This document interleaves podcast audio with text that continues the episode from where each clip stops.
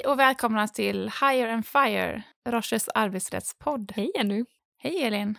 Idag ska vi prata om någonting som eh, är arbetsrättens core, skulle jag säga. Mm. Uppsägning av anställning.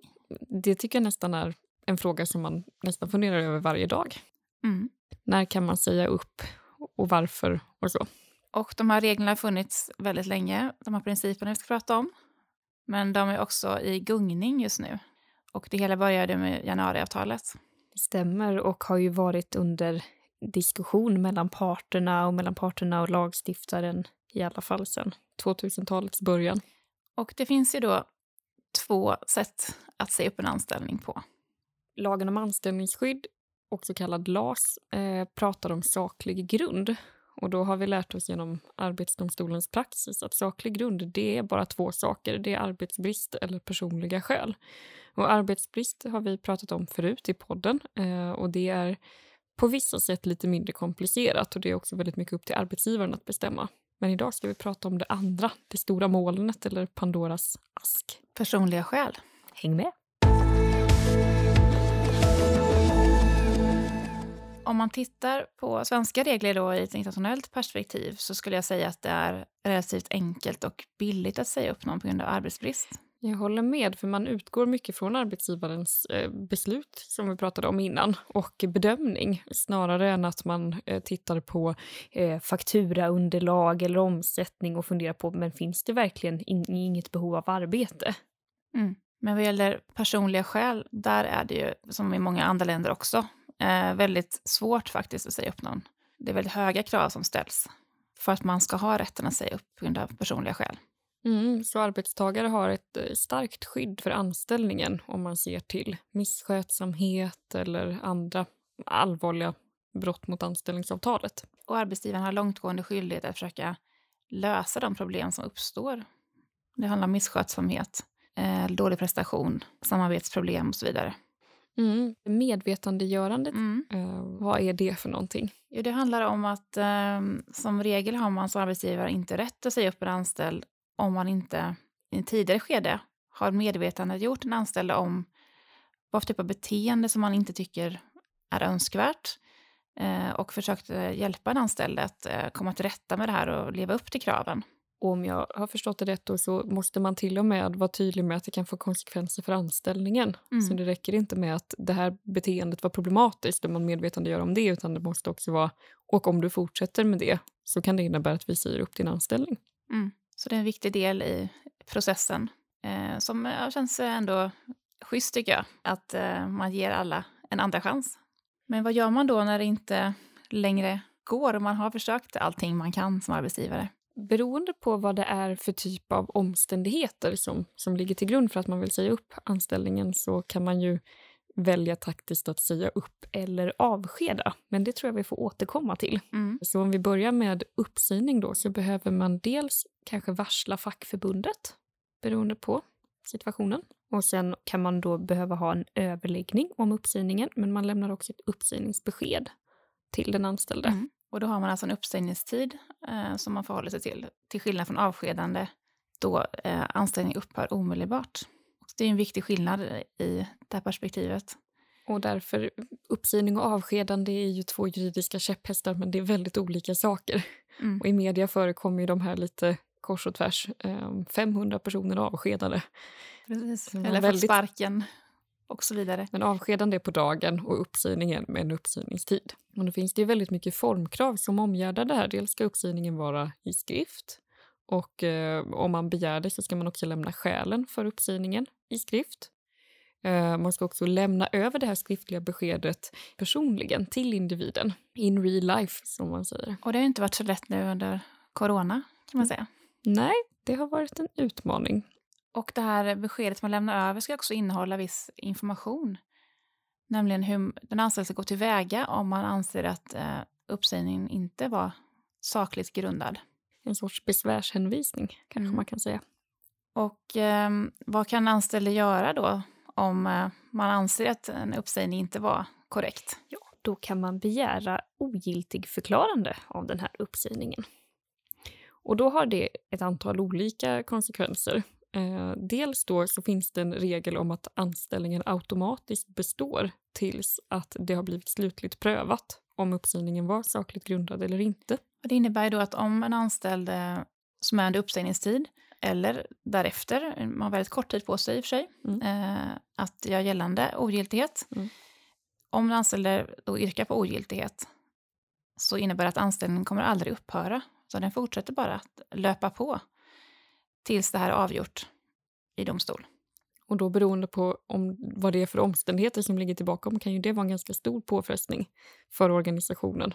Mm. Att vara kvar i anställning tills dess att det har avgjorts. För det kan handla om flera år som en tvist pågår. Om man först ska till tingsrätten och sen kanske vidare till Arbetsdomstolen.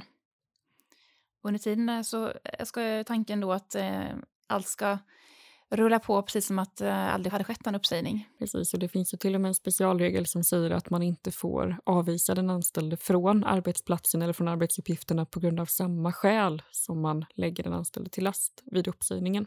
Mm. Men i praktiken då så är det ju ganska ovanligt att en anställd faktiskt eh, vill arbeta under tiden en tvist pågår eller att arbetsgivaren tycker att det är lämpligt att den anställde är på kontoret eller fabriken eller vad det kan vara. Så är det också och då kan man ju undra varför man kräver ogiltighet vad gäller uppsägningen. För själva tanken bakom tror jag är att eh, om man ska kunna ta tillbaka någon i tjänst om då anställ, eller uppsägningen anses vara ogiltig så ska det också vara möjligt. Ska finnas en tjänst för den här personen och man ska inte ha kommit ifrån arbetsplatsen. Det är väl grundtanken tror jag med den här regeln. Mm. Också en skyddsregel för arbetstagaren att den har en inkomst. För tänk om den var ogiltig den här uppsägningen, då skulle man ju kunna orsaka ganska stor skada. Och var tvungen att söka annat arbete då hade man ju i praktiken inte kunnat komma tillbaka som ogiltigheten bygger på, att, att det ska fungera så. För blir en uppsägning ogiltig, då är det som att den aldrig har skett egentligen. Stämmer. Och sen så en annan konsekvens av att man begär ogiltigförklarande är också att om arbetsgivaren vägrar ta tillbaka den anställde i tjänst så kan man då få ett normerat skadestånd som är baserat på hur länge man har varit anställd hos arbetsgivaren. Så där har ju arbetsgivaren ett val egentligen. Man behöver inte ta tillbaka en anställd i tjänst. Utan man kan välja då i det läget att köpa ut en anställd istället. Och då är det någonstans mellan 16 och 32 månadslöner eh, i dagsläget. Beroende på anställningstid. Och det här är ju någonting som många våra klienter baxnar när de har. Det är väldigt höga belopp i ett internationellt perspektiv. Och det är också väldigt, väldigt höga krav. Eh, och det har vi redan berört, men det är höga krav både för själva saklig grund och personliga skäl i sig. Men man ska också vara medveten om att arbetsgivaren har ju den fulla bevisbördan för att de här skälen faktiskt föreligger. Och det här att man eh, kvarstår i tjänst innebär ju att det kan vara två årslöner som man då har tjänat in under den här tiden. Och därefter då, om anställningen inte består eh, eller om arbetsgivaren vägrar ta tillbaka en anställd i tjänst så kan det då komma plus det mellan 16 och 32 månadslöner. Mm. Så det här har ju ändå stor påverkan på arbetsgivarens äh, agerande skulle jag säga i tveksamma fall. Ja, och då kanske det är dags att knyta tillbaka till avskedande. Precis, för när man avskedar någon så bryter man anställningen direkt. Det innebär att huvudregeln då är att anställningen inte pågår även om den anställde yrkar på ogiltighet av avskedandet. Utan då klipper man banden om man inte då går in med interimistiskt yrkande om att anställningen ska bestå. Precis, som en egen process kan man säga. Mm. Så om en arbetsgivare avskedar en anställd så löper man som huvudregel inte den här risken att betala lön medan tvisten pågår. Och den kostnaden för lön, om man tänker på den, om man då som arbetsgivare skulle vinna, får man då tillbaka de pengarna? Att den här anställningen skulle inte ha bestått? Nej, det får man inte, utan eh, det är som pengar som har utbetalats ut till en anställd som går förlorade ur arbetsgivarens perspektiv, även om man skulle då ha haft rätt att säga upp. Och där är väl bakgrunden att arbetsprestationen som sådan kan ju inte gå tillbaka heller, utan det är ju utfört arbete. Mm. Och det här kan ju slå lite fel då eh, eftersom det i praktiken är väldigt ovanligt att en anställd utför något arbete när man har en tvist mot sin arbetsgivare. Ja, om man inte har väldigt oberoende uppgifter som man kan utföra nästan oavsett eh, vilket sinneslag man befinner sig i så eh, kan det bli väldigt, väldigt opraktiskt för en organisation att ha en anställd som ska jobba på som vanligt samtidigt som man har en, en tvist i domstol mot arbetsgivaren. Så i praktiken kommer man oftast överens med en anställd att den ska vara arbetsbefriad så att det blir en ren kostnad, den här lönen, för arbetsgivaren. Ja, och apropå kostnader, vi pratade om innan att det var stora risker. Jag tänker, ska vi försöka sammanfatta vilka kostnader som kan uppstå eller vilka risker som finns Mm. om man som arbetsgivare bestämmer sig för att säga upp någon på grund av personliga skäl? Och det här gör vi ganska ofta till våra klienter. Att vi tittar på vad är den ultimata risken om man skulle förlora i domstol. Om man då eh, funderar på att säga upp någon av personliga skäl. Och som jag sa innan så är det många klienter som blir lite chockade över vilka summor det kan handla om. Ja. Så först och främst då, eh, lön under tiden som tvisten pågår om den anställde begär ogiltighet. Och det är samtliga anställningsförmåner som ska utgå då. Och som vi sa tidigare så är det oftast inte så att den anställde utför ett arbete utan eh, man får lönen då.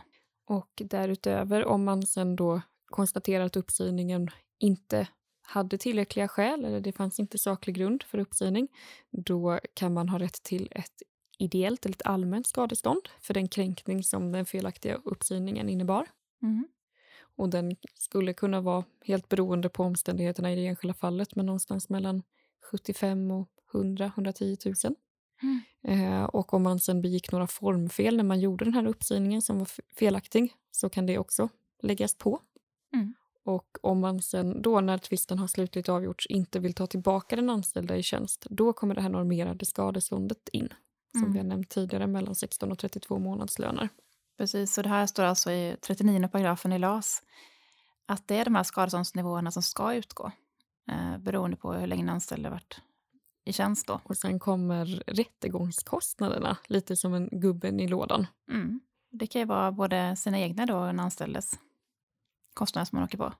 För I andra tvistemål så tänker man sig ofta att om jag vinner då får jag i alla fall tillbaka ersättning för både mina och motpartens rättegångskostnader. Men inte ens om man vinner som arbetsgivare kan man vara säker på att få full ersättning för det. Nej. Utan man brukar titta på styrkeförhållandena i den här relationen och eh, ibland komma fram till att det är skäligt att man tar sina egna kostnader. Det är lite specialare här just för arbetsrättsliga mål. Och när man då lyfter blicken och tittar på alla de här kostnaderna tillsammans då ser man ju också att ett så kallat utköp kan framstå som ganska eh, lågt eh, prissatt och tryggare för båda parter.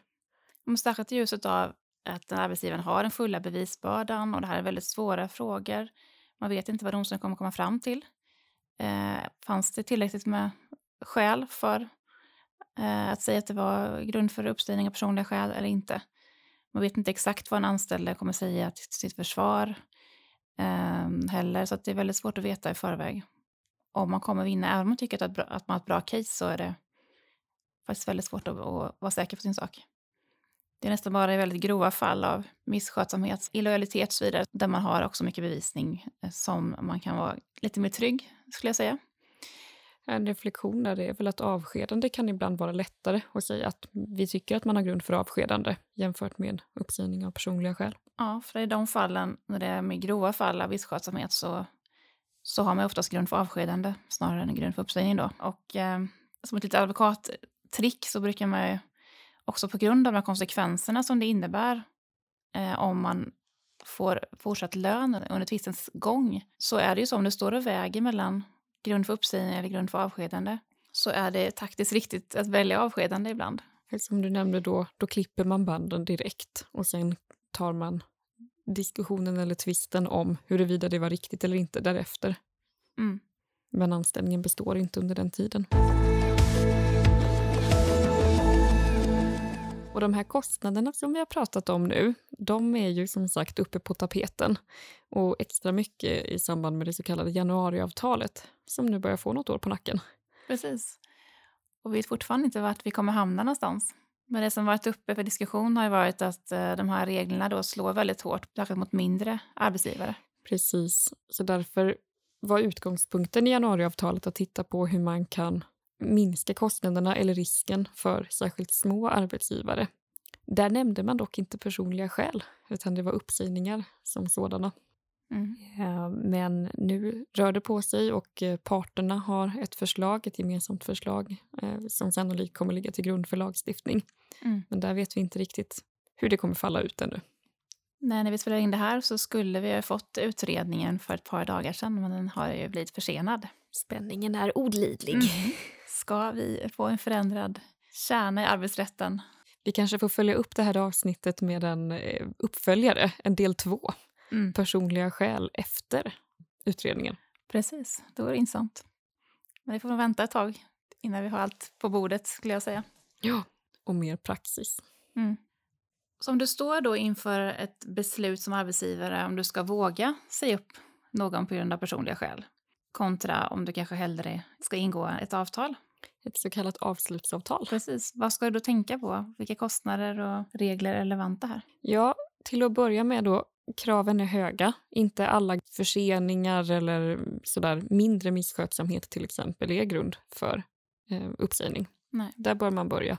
Mm. Och sen bör man också tänka på att man har den fulla bevisbördan. Så inte ens om någonting har hänt kan man känna sig trygg med att man då kan gå vidare med en uppsägning. Eh, utan det kan vara så att man inte kommer kunna visa det och då som arbetsgivare så kommer man förlora trots att man har uppfattningen att någonting har hänt. Mm. Och sen är det då de stora kostnaderna som är förknippade med både att göra en uppsägning överhuvudtaget och för den delen att göra en uppsägning som kan riskera att inte eh, ha tillräckliga skäl.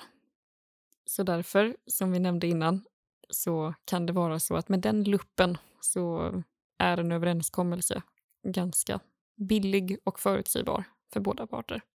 Och för den delen, känner du dig ändå trygg med att du kanske har saklig grund för uppsägning och det är till och med ganska grova eh, händelser som har inträffat, då kan det vara klokt att överväga om man bör gå på avskedande spåret istället.